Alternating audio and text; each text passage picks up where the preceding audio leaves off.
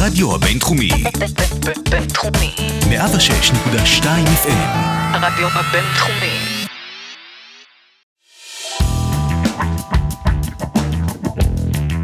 שלום רב למאזינים היקרים שלנו וברוכים הבאים לפרק נוסף בפודקאסט ההון סיכון. איתי נמצא שותף אה, יקר שלי, שהיה לו אמנם קצת קשה להתעורר הבוקר אבל עשה מאמץ במיוחד בשבילנו, רם בן ישי. מה העניינים רם? בסדר גמור נדב, אתה סומך יותר מדי על הטכנולוגיה, תלוי בה, ואז האפל וואץ' אה, שובק אנרגיה, ואתה לא מתעורר. אז uh, תחזרו לשעון הקפיץ. קיבלנו פה המלצה רצינית אה, מבחור מאוד רציני פה חברים. Um, אז היום יש לנו פרק ש- שמאוד התרגשתי, uh, למרות שלא קמתי עם השעון המעורר, לקום בגללו. Um, אנחנו מביאים uh, מרצה שאותי אישית ליווה uh, בכמה uh, קורסי מימון, ואני חושב שהוא אחד המרצים הטובים ביותר ש... שיש לנו למימון בתור אחד ש, שלקח ככה די הרבה קורסים בתואר ראשון ותואר שני,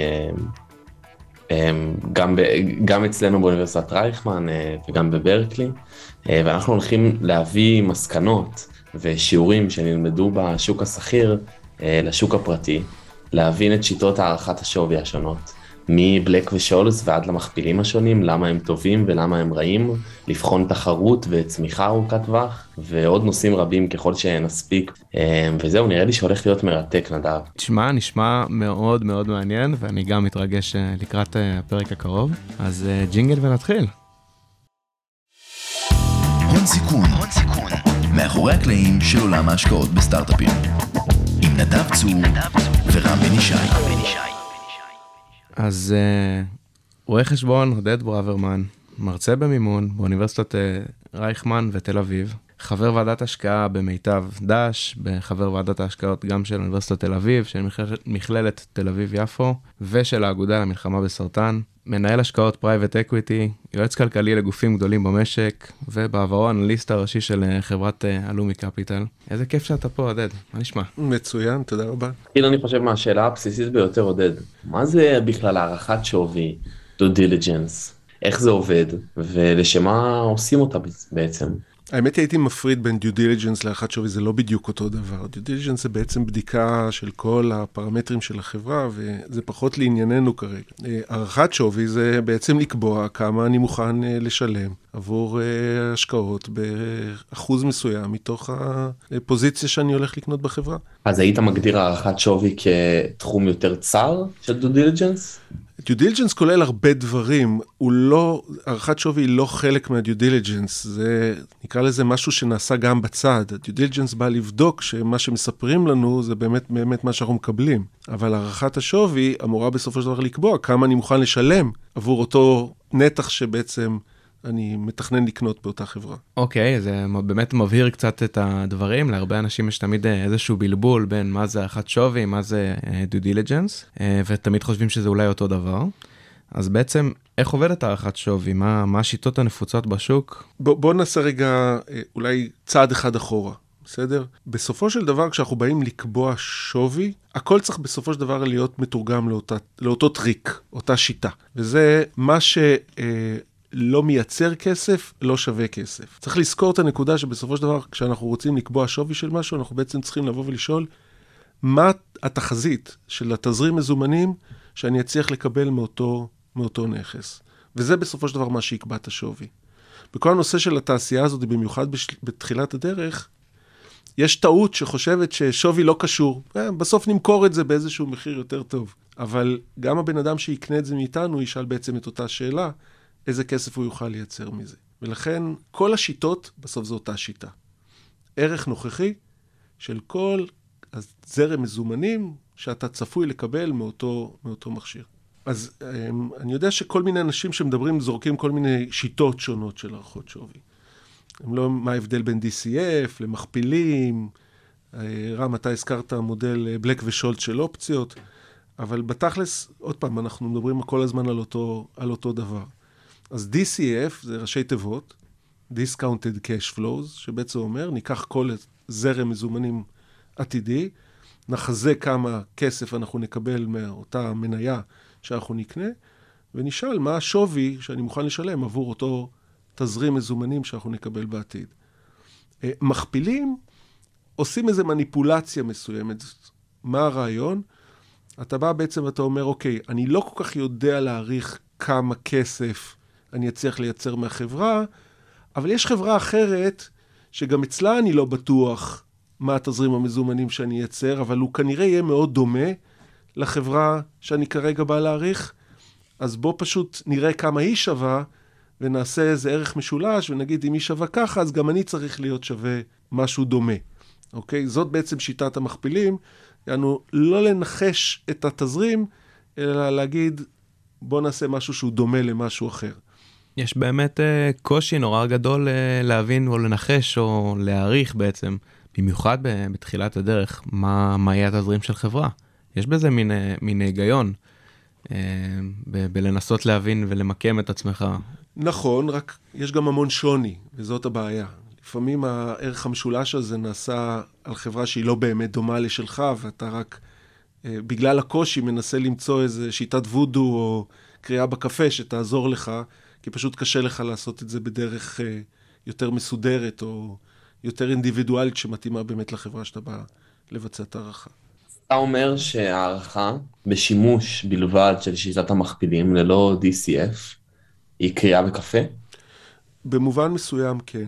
יש לה יתרון אחד גדול, וזה שאתה משתמש פה בחוכמת ההמונים, נקרא לזה. יש לך עסקאות שראית שמישהו אחר היה מוכן לשים כסף עבור איזה נכס, ואתה אומר, אוקיי, אז כנראה אולי זה שווה את מה שהוא היה מוכן לשלם, אבל כשיש לך שוני מאוד גדול בין החברות, לבוא ולעשות את אותו תרגיל, יכול לזרוק אותך למקום שהוא בחל... לחלוטין לא רלוונטי. סתם לדוגמה, יש לך שתי חברות באותו ענף תעשייה, שאחת נגיד מוכרת פי שלוש יותר מכירות, אז אתה בא ואומר, אוקיי, אז כנראה היא צריכה להיות שווה פי שלוש יותר. נכון? זה בעצם שיטת המכפיל, נכון? מכפיל מכירות. החברה צריכה להיסחר, נגיד, פי שתיים מהיקף המכירות שלה. ואז אם חברה אחת שווה, אה, מוכרת ב-100 מיליון, אוקיי? אז היא צריכה להיות שווה 200, וחברה ששו, שמוכרת 300 מיליון צריכה להיות שווה 600. הבעיה mm-hmm. היא שעם כל הכבוד, אה, לא כל אחד יודע לייצר את אותו רווח מאותו היקף מכירות. אז אם חברה אחת יש לה למשל איזו טכנולוגיה שמאפשרת לה לייצר הרבה יותר רווחים מאותם היקפי מכירות, אין שום סיבה בעולם להעריך אותה באותו שווי. ובדרך כלל השוני הזה בעצם מעוות את כל שיטת המכפילים. בהיעדר אה, יכולת אה, ממשית אה, של משקיע הון סיכון אה, להשתמש בשיטת ה-DCF, אה, ובמיוחד בשלבים המוקדמים, שוב, נשים את שלבי הצמיחה כרגע בצד, אה, בשלבים המוקדמים, אה, עוד לפני אפילו שיש product market fit, זה, זה כמעט בלתי אפשרי. אז אני טועה אה, ב-A, האם יש לך הצעה אחרת אה, לאותם אה, משקיעים בשלבים המאוד מוקדמים? תראה, בסופו של דבר, מה שהכי משפיע בשלבים המקדימים של ה-seed, ה-pre-seed, ה-round A וכן הלאה, זה הערכה הסובייקטיבית שלך לגבי ההסתברות להצלחה. בסופו של דבר זה הפרמטר הכי קריטי בתור, ב, בכל הרעיון של התמחור. בואו ננסה רגע לפשט את זה, בסדר? בואו נחשוב רגע על מעין עץ החלטות כזה, שיכולים לקרות שני מצבי טבע. או שהפיתוח שה, לא יצליח, לצורך העניין, או שכן. אם הפיתוח לא יצליח, שפכת את הכסף שהשקעת לפיתוח והלך לפח. אם הוא הצליח, אתה עובר בעצם לשוב עץ חדש. הפיתוח הצליח, אז מה קורה עכשיו? נצליח לייצר product או לא נצליח לייצר product? כאילו שבאמת השוק ירצה. בוא נניח שוב פעם, יש סיכוי טוב שלא, לא, השוק לא קיבל אותו. ושוב, כל מה ששפכת גם בשלב ה-R&D וגם אחר כך בשלב השיווקים, השיווק, הכל הלך לפח. אבל יש גם את האפשרות שכן, בסופו של דבר זה ילך. ואז אתה בא ועובר לשלב של הייצור, לבוא ולהגיד, אוקיי, כמה, כמה הייצור יעלה לי? זה, אני מסוגל למכור במחיר שייתן לי רווח מספיק גבוה, או אני לא מצליח למכור בוולואציה מספיק, מספיק גבוהה של המוצר, כדי שיצדיק את עלויות הייצור והשינוע וכולי וכולי וכולי.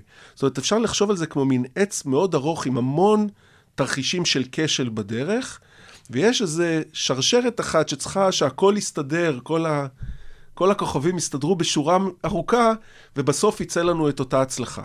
זה המספר שאתה מחפש. את האחוז הזה, שהדבר הזה בסופו של דבר יצליח לעבור את כל השלבים ואת כל העלויות בדרך, כמה אתה תצטרך לשאת כנגד זה. זה ניתוח מאוד מעניין, כי בסוף הערכת השווי היא, היא, היא תוחלת, ה, תוחלת הרווח הזאת, תוחלת, תוחלת ההצלחה, אה, וזה באמת ההסתברות אה, אה, כפול, במקום מסוים הצלחה מוגדרת ככבישת השוק, אז כפול השוק.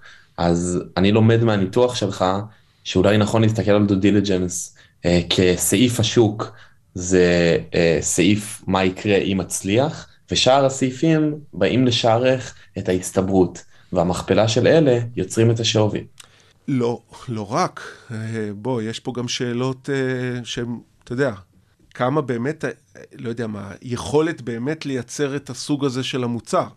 כאילו, מה, מה ההסתברות שבאמת תמצא את, ה, תמצא את האלגוריתם לעשות את הפתרון, תמצא, תצליח לפתח את המולקולה שבאמת אה, תייצר את אותה תוצאה שאתה רצית. זאת אומרת, יש פה גם שאלות, אה, אתה יודע, ביולוגיות, כימיות, אה, הנדסיות, עד כמה באמת הדבר הזה הוא פיזבילי. כן? לא יודע, היה שבוע קטע מצחיק, ב, נדמה לי זה היה בזהו זה, של אה, בדיחה על זה שמישהו אומר, יש לי אחלה מוצר חדש לרעיון, מטוס שלא נראה. נכון, זה אחלה רעיון, יהיה לו שוק מעולה. רק איך בדיוק מפתחים את זה, זה גם אה, דורש איזושהי שאלה. ברור. גם עוד חלק ש, שקצת אה, דיברנו עליו קודם בינינו, זה שגם, שאומנם אתה ניגש לסטארט-אפ ועושה לו איזושהי בדיקה והערכת שווי ודיו דיליג'נס, אבל הרבה מאוד פעמים יש פיבוטים, וסטארט-אפים, גם סטארט-אפים שמאוד מאוד הצליחו, בכלל מצליחים מכיוון אחר לגמרי. עושים pivot ומשנים ועוברים לעבוד בכלל בענף שונה, או מוצאים product ו market fit שונה לגמרי ממה שהם חשבו. וכשאתה חושב על העץ הסתברויות, איפה את זה אתה מכניס בכלל? זה מאוד מאוד קשה, אני מסכים. זה, זה הקושי הגדול בביצוע בעצם הערכת שווי של חברה, וזה הסיבה גם למה הרבה מאותם VCs ואנג'לים טוענים שאחד הפרמטרים שקובעים הצלחה בצורה הכי טובה זה הצוות. זאת אומרת, הם מנסים לכמת מה ההסתברות שהצוות, גם שהוא יגיע למסלול של dead end, ידע לעשות את אותו פיבוט שתיארת, וינסו לחפש את המוצר שבכל זאת יצליח לעבוד, וידעו לעשות את האדפטציה. וזה אכן עוד אחד מאותם פרמטרים שקובעים הסתברות הצלחה. אז אני חושב שזה באמת מאוד מאוד אה, נכון, אבל לד... לדעתי גם יש פה, צריך לעשות איזושהי הפרדה או איזושהי הסתמכות על שיטות שונות אולי, ב... ו- וגם בשלבים שונים של הסטארט-אפ. זאת אומרת, כשאנחנו מדברים על, אה, על פרי-סיד או סיד או אפילו A, אז יכול להיות שבאמת זה הדגשים היותר נכונים. אני חושב שגם ככל שהם מתקדמים והסטארט-אפ נהיה יותר בוגר ומוכר יותר, אז אולי צריך להשתמש במתודולוגיות השקעה, אה, מתודולוגיות הערכת שווי שונות יחסית לכל שלב בדרך. אני מאמין גדול שבסופו של דבר יש שיטה אחת. ואני שוב חוזר לתחילת הדיון שלנו. בסוף אתה חייב לראות מאיפה יגיע תזרים המזומנים של הביזנס. אתה חייב איזשהו דרך לנסות לכמת אותו. גם בשלבים המוקדמים, אבל בטח ובטח ככל שהשלב מתחיל להתארך ואתה מתחיל כבר לראות את המכירות ואת ה... ואת ה, את, את הרווח פר מוצר, ואתה יכול לנסות לכמת כמה מוצרים תוכל למכור, ובאיזה מרווח וכן הלאה, ותוכל כבר לעשות איזה שהן הנחות לגבי נתח השוק, רם, שאתה דיברת עליו, שהוא מן הסתם גם כן אה, משפיע מאוד, כמה באמת נוכל לעשות penetration לתוך השוק, וכמה באמת נוכל בסופו של דבר ב long run להתייצב עליו, על איזה היקף מכירות אנחנו מגיעים ב steady state, ובאיזה שיעור רווחיות אנחנו נוכל גם אה, להיצמד אליו ב steady state. אוקיי, האמת שממש אה, מעניין, וזו גישה מאוד מעניינת להסתכל על, ה, על, ה, על הערכות שווי, ואולי גם מאוד מאוד נכונה, שבסוף אה, תמיד צריך להבין מאיפה בא הכסף.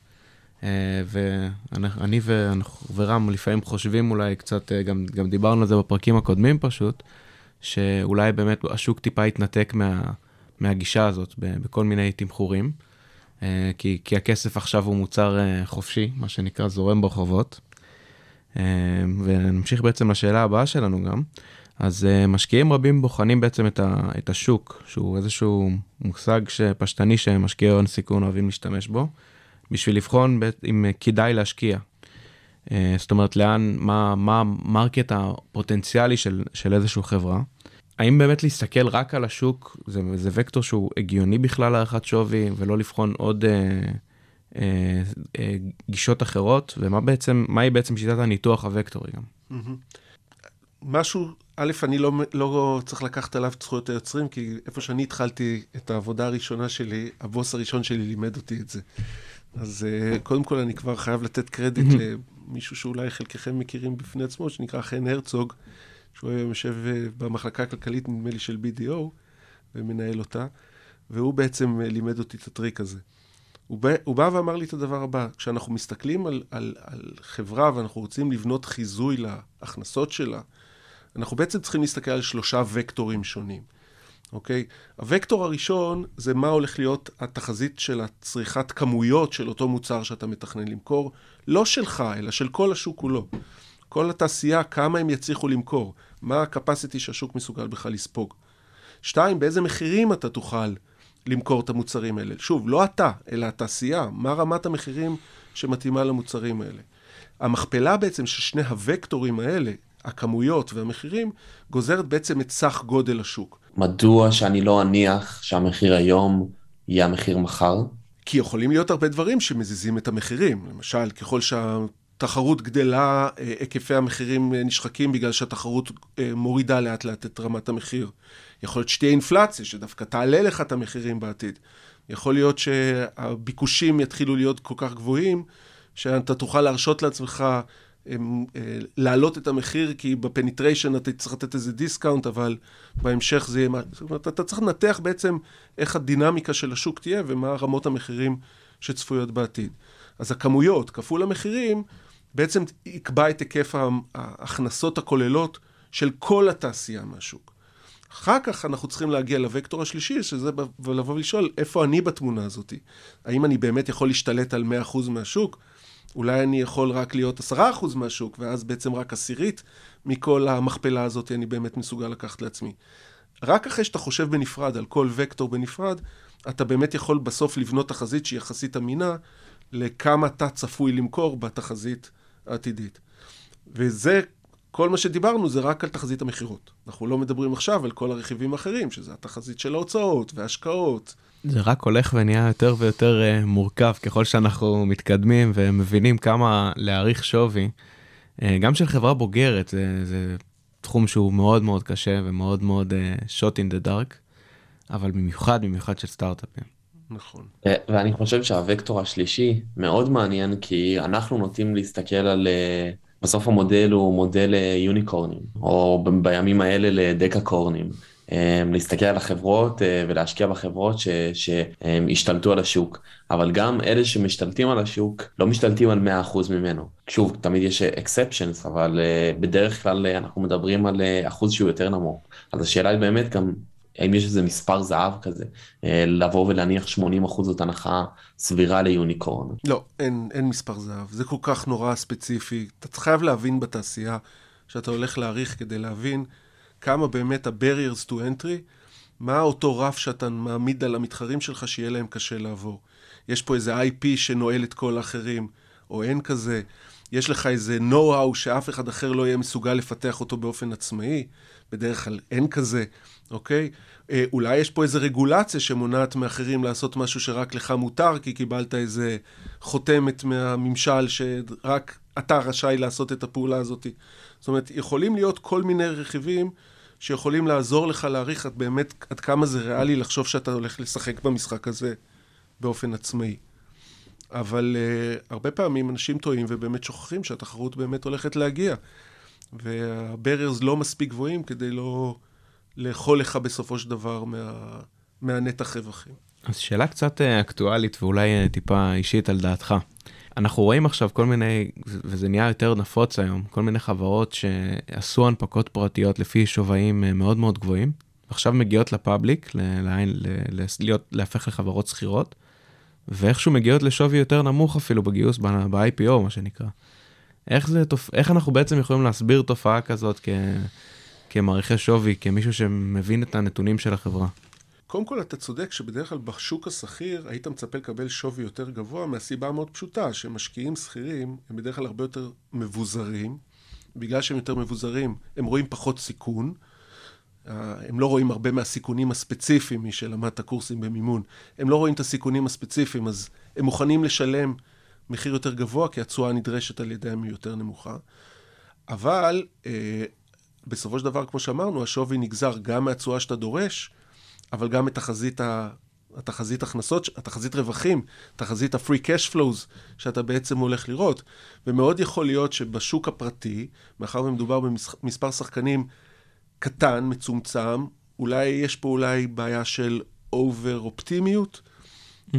מה שאנחנו קוראים באקדמיה The Winner's Curse, אלה שבסוף זכו להיכנס לראונד, כי הם היו מוכנים לשלם את המחיר הכי גבוה, כי כל החבר'ה שבאו אליהם קודם ואמרו להם מה האבלואציה, אמרו תודה רבה, אני לא נכנס.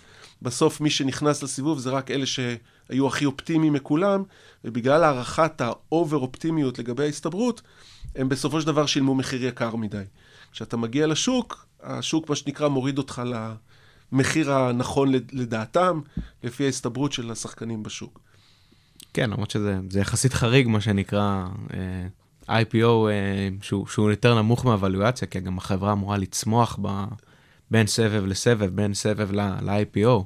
קודם כל, by, by definition יש תשואה חיובית, לאורך זמן כנראה, אז הוולואציות אמורות לגדול. ושתיים, מה שהסברנו קודם, אם, אם הציפיות היו זהות, גם הוולואציות הייתה צריכה לגדול, ולו בגלל ששיעור ההיוון יותר נמוך. אז עצם העובדה שהתוצאה בסוף שהכל יצא עוד יותר נמוך, זה מעיד שכנראה באמת היה אובר אופטימיות של המשקיעים הפרטיים, ביחס למה שהשוק השכיר חושב שהוא נכון. הזכרנו את uh, שיטת המכפילים, הזכרנו כמה פעמים. אמ, אבל אני רוצה רגע להתעמק במכפילים השונים ומה היתרון והחיסרון אולי של, אה, של כל סוג מכפיל, אה, כי קיימים אה, מספר מכפילים. אז כמו שכבר רמזתי קודם, אני לא מהחביבים הגדולים של ולואציות בשיטות מכפילים.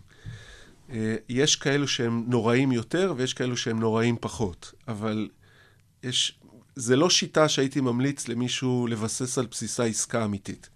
זה אולי טכניקה לעשות first screening רק בשביל לראות מה בכלל לא עובר, משהו לא נראה סביר. אבל מאחר ויש כל כך שונות בין החברות, הייתי נזהר בכלל אה, אה, מלהשתמש בהן. ובכל זאת, איזה שיטות הן פחות נוראיות ואיזה יותר. Mm-hmm. אז אולי השיטה שהיא מאוד הייתה מקובלת בשנות הבועה של הדוט קום, הייתה שיטת אה, המכפילי מכירות, ומכפילי היוזרים. אז מכפילי היוזרים, בואו ניקח כל אה, משתמש, נכפיל אותו באיזושהי אבלואציה, ואז אה, נקבע את השווי של החברה לפי מספר המשתמשים כפול, לא יודע מה, 200 דולר למשתמש, בסדר? זה... user הבהרה למאזינים שלנו זה אה, משתמש שהוא לא בהכרח משלם. יכול להיות כאלה שכן, יכול להיות כאלה שלא, זה גם מאוד תלוי בתעשייה. אז היום למשל זה יותר נפוץ בתעשיות כמו הגיימינג, ששם אה, קובעים שווי לפי משתמש, או בתחום ההימורים, שזה גם סוג של חלק מתעשיית הגיימינג, אה, או בתעשיות כמו אה, תקשורת, ששם עדיין, נגיד, מנויים לכבלים, מנויים ללוויין, לשירותי סטרימינג ודברים שכאלו. הלוגיקה מאחורי שיטה כזאת היא לבוא ולהגיד, אוקיי, אם כל user מייצר לי איזשהו תזרים מזומנים עתידי, אני יכול לחשב כמה אני אצליח לסחוט מה user עד שהוא ינטוש אותי, אוקיי? נעשה מודל לצ'רן, מה שנקרא, לאובדן לקוחות, כמה זמן לקוח שורד אצלי עד שהוא מבין שהוא רוצה לפרוש, מסיבה כזאת או אחרת. בואו נבנה תחזית ל-ARPU, ל-Average Revenue per User, אוקיי? כמה אני אצליח לייצר הכנסות מכל משתמש, ואז כשאני בונה תחזית למשתמש, אני יכול לקבוע שווי. מה השווי של המשתמש. ואז אני אכפיל את זה במספר המשתמשים ונותן לי את השווי הכולל של החברה. אוקיי? זאת, זאת גישה אחת. הבעיה היא, כמו שאמרת, רם, יש משתמשים שמשלמים הרבה, יש משתמשים שמשלמים מעט, יש יתרונות לגודל לחברה. חברה קטנה, יופי שיש לך הרבה משתמשים, אבל יש לך גם fixed cost, יש לך עלויות קבועות, mm-hmm. אתה צריך גם אותם לקחת בחשבון. כשאתה חברת ענק, ההוצאות הקבועות כנראה לאט לאט נעלמות, הן כבר הופכות להיות פחות משמעותיות, ואז לבוא ולעשות בנצ'מארק מחברה גדולה, עם המון משתמשים, לעשות לה ערך משולש כדי להגיע לחברה קטנה עם מעט משתמשים, זה לא עובד. המתמטיקה הזאת היא לא עובדת. שיטה אחרת, גם הייתה מאוד נוטוריוס, מה שנקרא, אה, לשמצה, זה מכפיל המכירות. מה קרה? היו הרבה חברות שלא היה להן רווחים. אי אפשר היה לעשות מכפיל על הרווח, אז אמרו, איזה מספר חיובי אפשר לעשות עליו מכפיל? אה, מכירות, יש, יש מכירות, אז אפשר לעשות מכפיל על המכירות. אבל תזכרו, בסוף אנחנו צריכים לשאול כמה כסף החברה מייצרת.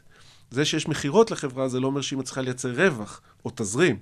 ולכן, אה, אין לזה הרבה משמעות. זאת אומרת, לבוא ולהגיד ששווי של חברה הוא תלוי המכירות שלה, זה רק תחת איזו הנחה סמויה, שאחוז הרווחיות מהמכירות הוא נשאר פחות או יותר קבוע. כך שאם חברה גדלה פי שתיים במכירות, היא גם תגדל פי שתיים ברווח, ובתזרים, ואז אולי השווי שלה צריך באמת להיות פי שתיים יותר גבוה. אה, בעולם השלבים המוקדמים זה שההוצאות אה, יקטנו בצורה משמעותית, ולכן הרבה פעמים בראש יכול להיות הלא מקצועי שלי, אני חושב על מכפיל מכירות כדווקא אה, מכפיל שיכול לסייע לי להתעלם אה, מההוצאות המשתנות האלה. ההוצאות הקבועות, אתה מתכוון, לא המשתנות. ההוצאות הקבועות שהולכות להשתנות ולרדת עם הזמן. אז, אז, אז באמת, אם זה נכון, אם אכן התעשייה היא כזאת שההוצאות הקבועות הן לא רלוונטיות, אז אתה תוכל איכשהו איכשהו להתעלם מזה. אבל בוא, יש תעשיות שההוצאות הקבועות הן מאוד רלוונטיות. זו שאלה אם אתה מדבר על משהו שהוא יותר software uh, או יותר hardware, אם יש לך הרבה setup uh, של מכירות שאתה צריך לתחזק, יש לך פה איזה צוות גבוה על הפיירול שאתה צריך לקחת אותו בחשבון, ולא בהכרח אתה, הוא מקבל תשלומים לפי כמה הוא מוכר, אלא פשוט צריך לשלם לו משכורת קבועה.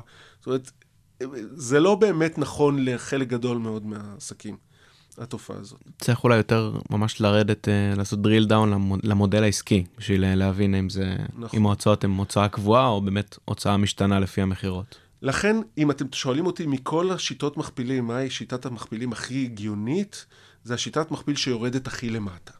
שזה בעצם אומרת, בואו ננסה לבנות מכפיל על התזרים, אם תרצו, של החברה. ומה זה התזרים של החברה? אז הדבר שהוא הכי קרוב לזה ברמה החשבונאית זה האבידה. בעברית רווח תפעולי לפני פחת והפחתות, אוקיי? שהוא אמור במובן מסוים לייצג תזרים מזומנים. למה אני מגמגם? למה אני אומר אמור? כי בעסקים מסוימים, הדה הוא נורא חשוב. ה-depreciation, והתח... ובעצם מה מייצג את הפחת שאנחנו מנטרלים פה? בעצם את ההשקעות ברכוש קבוע. בדיוק, את ההשקעות ברכוש קבוע.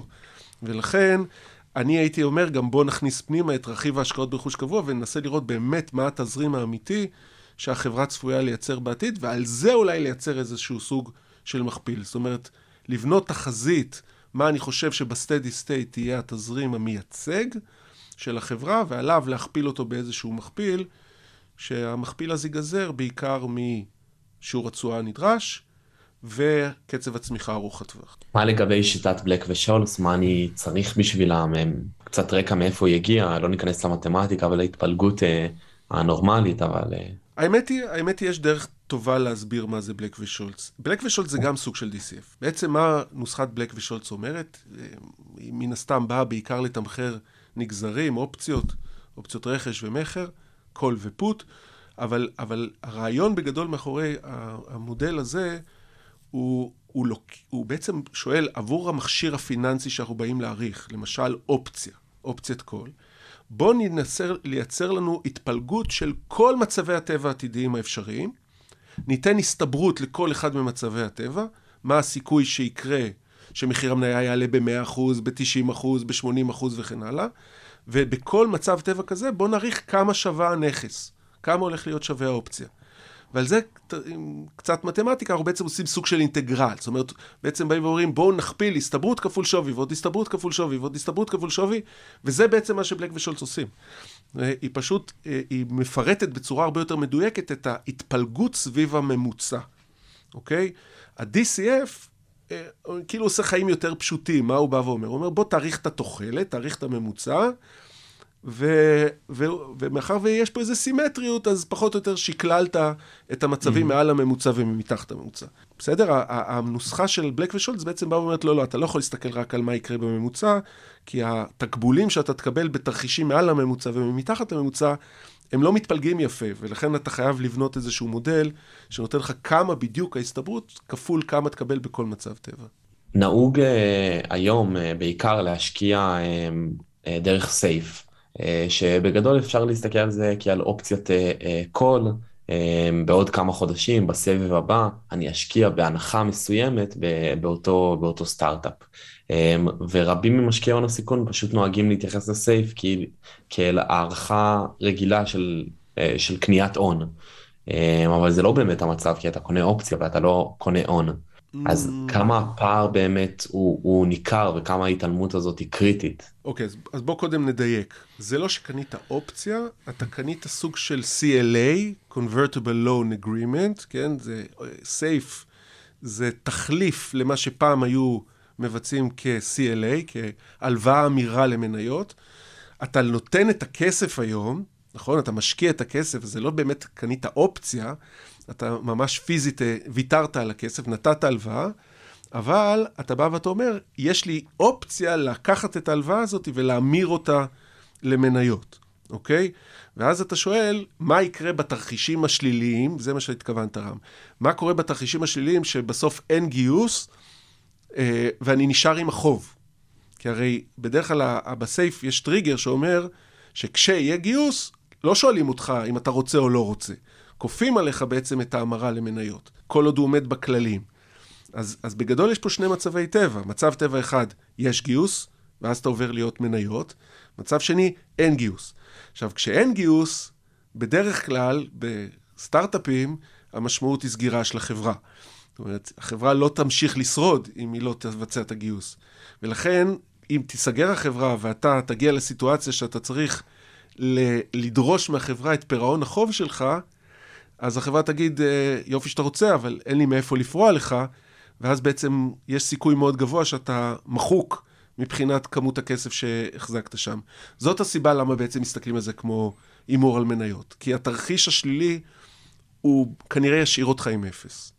כן, לא, לא יישאר לך בעצם איזשהו רזידואל להיפדות ממנו, אז זה בעצם השקעה הונית. בדרך כלל, עוד פעם, אסור לי לעשות את זה כלל. גורף, כי זה תלוי בסיטואציה, אולי יש שם איזה ביטחונות, אולי בכל זאת תצליח לחלץ משהו מהחברה, כן. אבל בדרך כלל זה המצב. אבל, אבל גם כשאתה משקיע הוני בסטארט-אפ, אתה לרוב, אה, קרנות, לרוב יעשו איזשהו, ידאגו עצמם למניות בכורה, או לאיזשהו חוזה, סעיף בהסכם, שאם נשאר משהו אז הן מקבלות אותו, אז זה בסוף יהיה... היינו הך, מה שנקרא. אמ, סוג של, אתה צודק, כן. אז אנחנו כבר uh, קצת uh, חורגים בזמן שלנו, ולמרות שממש ממש מעניין, אז uh, אנחנו נתקרב לשאלות החוזרות שלנו. אז עודד, מה אתה יודע שהוא אמת, ומעטים מסכימים איתך על כך? אני חושב שהדבר, ו- ופה זה, זה לא ממחקר, אני לא יודע, אני לא רוצה להגיד אני יודע, אוקיי? אבל בתור מי שבכל זאת התעסק בנושא הזה כבר לא מעט שנים, בעיקר בשלבים המוקדמים, יש לי יותר מתחושה שהשקעות בשלבים התחלתיים של סטארט-אפים, לאורך זמן זאת לא אסטרטגיה מנצחת, אוקיי? רוב המשקיעים שמשקיעים בשלבים הראשונים, בספרסיד, סיד, ואפילו בראונד A, יש להם תוחלת רווח שלילית. אלא אם כן, הם משקיעים במשהו שיש להם added value, זאת אומרת שהם יכולים להגדיל את ההסתברות של ההצלחה לאותו סטארט-אפ, אה, או שיש איזה כושר ניתוח יוצא מן הכלל לגבי מה באמת, אה, אה, הבנה מאוד מעמיקה לגבי התעשייה, שהם ידעו בדיוק לזהות בדי... מה ה... היתרון היחסי המאוד מובנה של אותה חברה. הרבה מאוד ממשקיעי השלבים הראשונים הם מה שאנחנו קוראים דאם uh, מאני, כן? כסף לא מתוחכם, שפשוט uh, מפזר את הכסף, והסיבה שהוא עושה את זה, זה סיפורי הצלחה שמטיילים להם בחוץ, והוא נורא נורא רוצה לעשות פי 30 או פי 40 על הכסף, והקסם של לבצע את העסקה הזאת, שתהפוך אותו ל... מיליונר, מפתה אותם לעשות את זה, למרות שכנראה, אם תכפיל את זה בהסתברות שזה יקרה, כנראה בממוצע אתה הולך להפסיד את הכסף שהשקעת. האמירה שלך היא באופן כללי או נכונה לשוק אה, שדוחף קרנות אה, ל valuations מאוד גבוהות ולא ריאליות? אני, אני הייתי אומר את זה בצורה, עוד פעם, אני כבר בתעשייה הזאת כבר 15 אה, שנה בערך. אה, בסטארט-אפים, בתעשיית ה-Private Equity של חברות סטארט-אפים, וראיתי תקופות של הייפ ותקופות של low, ובאגרגציה של כולם אני חושב שזה נכון. ברור שבתקופות כאלה המצב הרבה יותר גרוע. וואו, אז uh, המון תודה, והיה ממש uh, מעניין. תודה לכם. הון סיכון, מאחורי הקלעים של עולם ההשקעות בסטארט-אפים, עם נדב צור ורם בן ישי.